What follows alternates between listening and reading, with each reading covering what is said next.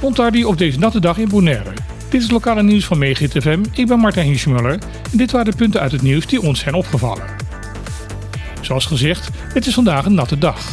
Dat heeft ook dit keer voor de nodige overlast gezorgd. Bij veel van de al bekende plekken op het eiland liepen ook nu de straten weer onder. Daarnaast had ook het vliegveld flinke hinder van het overvloedige water. De hele maand oktober was trouwens natter en kouder dan normaal. Meteorologische dienst Curaçao maakte bekend dat de gemiddelde temperatuur deze maand lager heeft gelegen dan het gemiddelde van de laatste 30 jaar. Veel weervoorspellers zeggen dat de kans groot is dat er vandaag nog meer buien aankomen. Waarbij dan van de ABC-eilanden Bonaire naar verwachting het meeste water te verwerken krijgt. Bonlab mag niet dicht. Dat is het gezamenlijke standpunt van de leiders van de vier verschillende fracties van de eilandraad van Bonaire. Het medisch laboratorium Bonlab stond vorig jaar op de nominatie om het contract met de Rijksdienst Zorg en Jeugd Caribisch Nederland te verliezen. Dat werd toen door de ingrijp van het bestuurscollege van Bonaire voorkomen. Gisteren kondigde de ZJCN echter opnieuw aan dat het contract met Bonlab voor het komende jaar niet verlengd zal gaan worden. Vorig jaar werd als reden voor het opzeggen van het contract aangevoerd dat Bonlab niet over de benodigde accreditatie beschikte.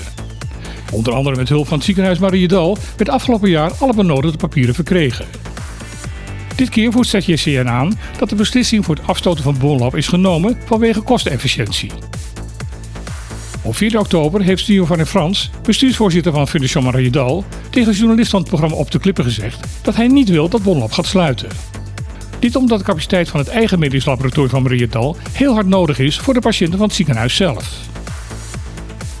De vier fractieleiders van de Eilandraad gaan nu op zeer korte termijn naar Nederland om daar te gaan praten met de politiek in Den Haag. Daar zullen ze ook gedeputeerde Nina de Heijen ontmoeten, die vanwege een werkbezoek nu al in Nederland is. Het Openbaar Lichaam Bonaire waarschuwt voor een mogelijk schadelijke stof in een voedingsproduct. Bij de boerkas Oud van het merk van de Sterren is er het risico dat daar een schimmelwierend middel in is verwerkt. De stof natamycine wordt vaak gebruikt in de kost van verschillende kaassoorten, maar wordt ook als geneesmiddel voor schimmelinfecties bij mensen toegepast. Een te grote inname van het middel kan schadelijk zijn voor de gezondheid.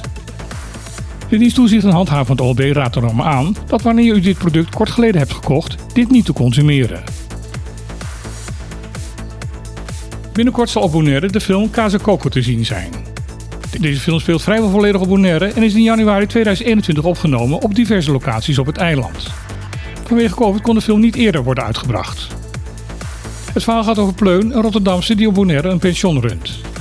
Wanneer een vriendengroep uit Nederland in dat pension komt overwinteren, ontdekt Pleun dat daar ook haar oude jeugdliefde bij zit.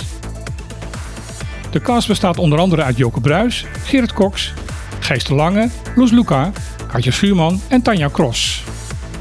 In de crew werkten ook een aantal studenten mee van de mbo-opleiding Media op Bonaire. De film zal vanaf 17 november in de bioscoop op Bonaire te zien zijn. Eind januari komend jaar zal ook de film All Inclusive te zien zijn op Bonaire. Ook deze film is helemaal opgenomen op Bonaire en is eerder dit jaar gefilmd door hetzelfde productieteam als dat van Casa Coco. Dit was weer het lokale nieuws van vandaag op Megahit FM. Ik wens u verder nog een droge dag toe en graag dan weer tot morgen.